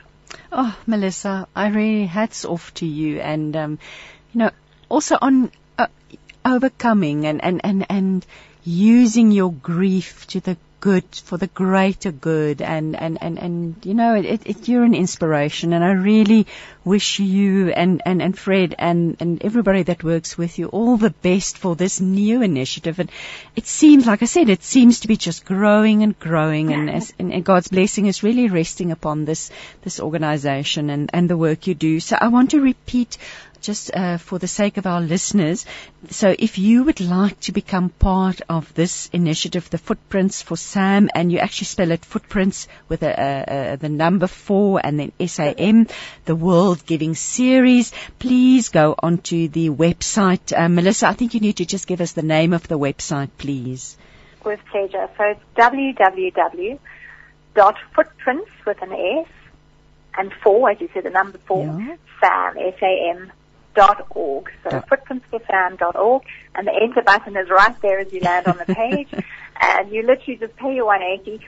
And then when you've paid, there is an automatic response to show that you've paid, and then there's an email that will send through a link on how to then finish your registration. If anybody has any problems, they can just find my contact details on the website, and I'll make sure they get onto the app and join in the fun.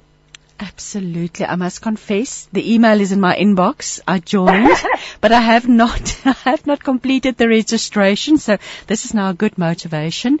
And, um, yes, so you say gardening, walking, whatever form of exercise, um, we do it for, for somebody else, with somebody else that's suffering in mind. Melissa, thank you so much for your time this morning and, and God bless all the work you do and, and just all the best for this new project. I look forward to talking to, to you soon to hear about a little bit of the outcome and, and how things are going. So, but all the best. Thank you, Christine. The last challenge we raised over 200,000 Rand, so we're hoping to exceed that. Um, and just thank you to everyone for their generosity, and we hope to see you on the leaderboard. So you need to click that link.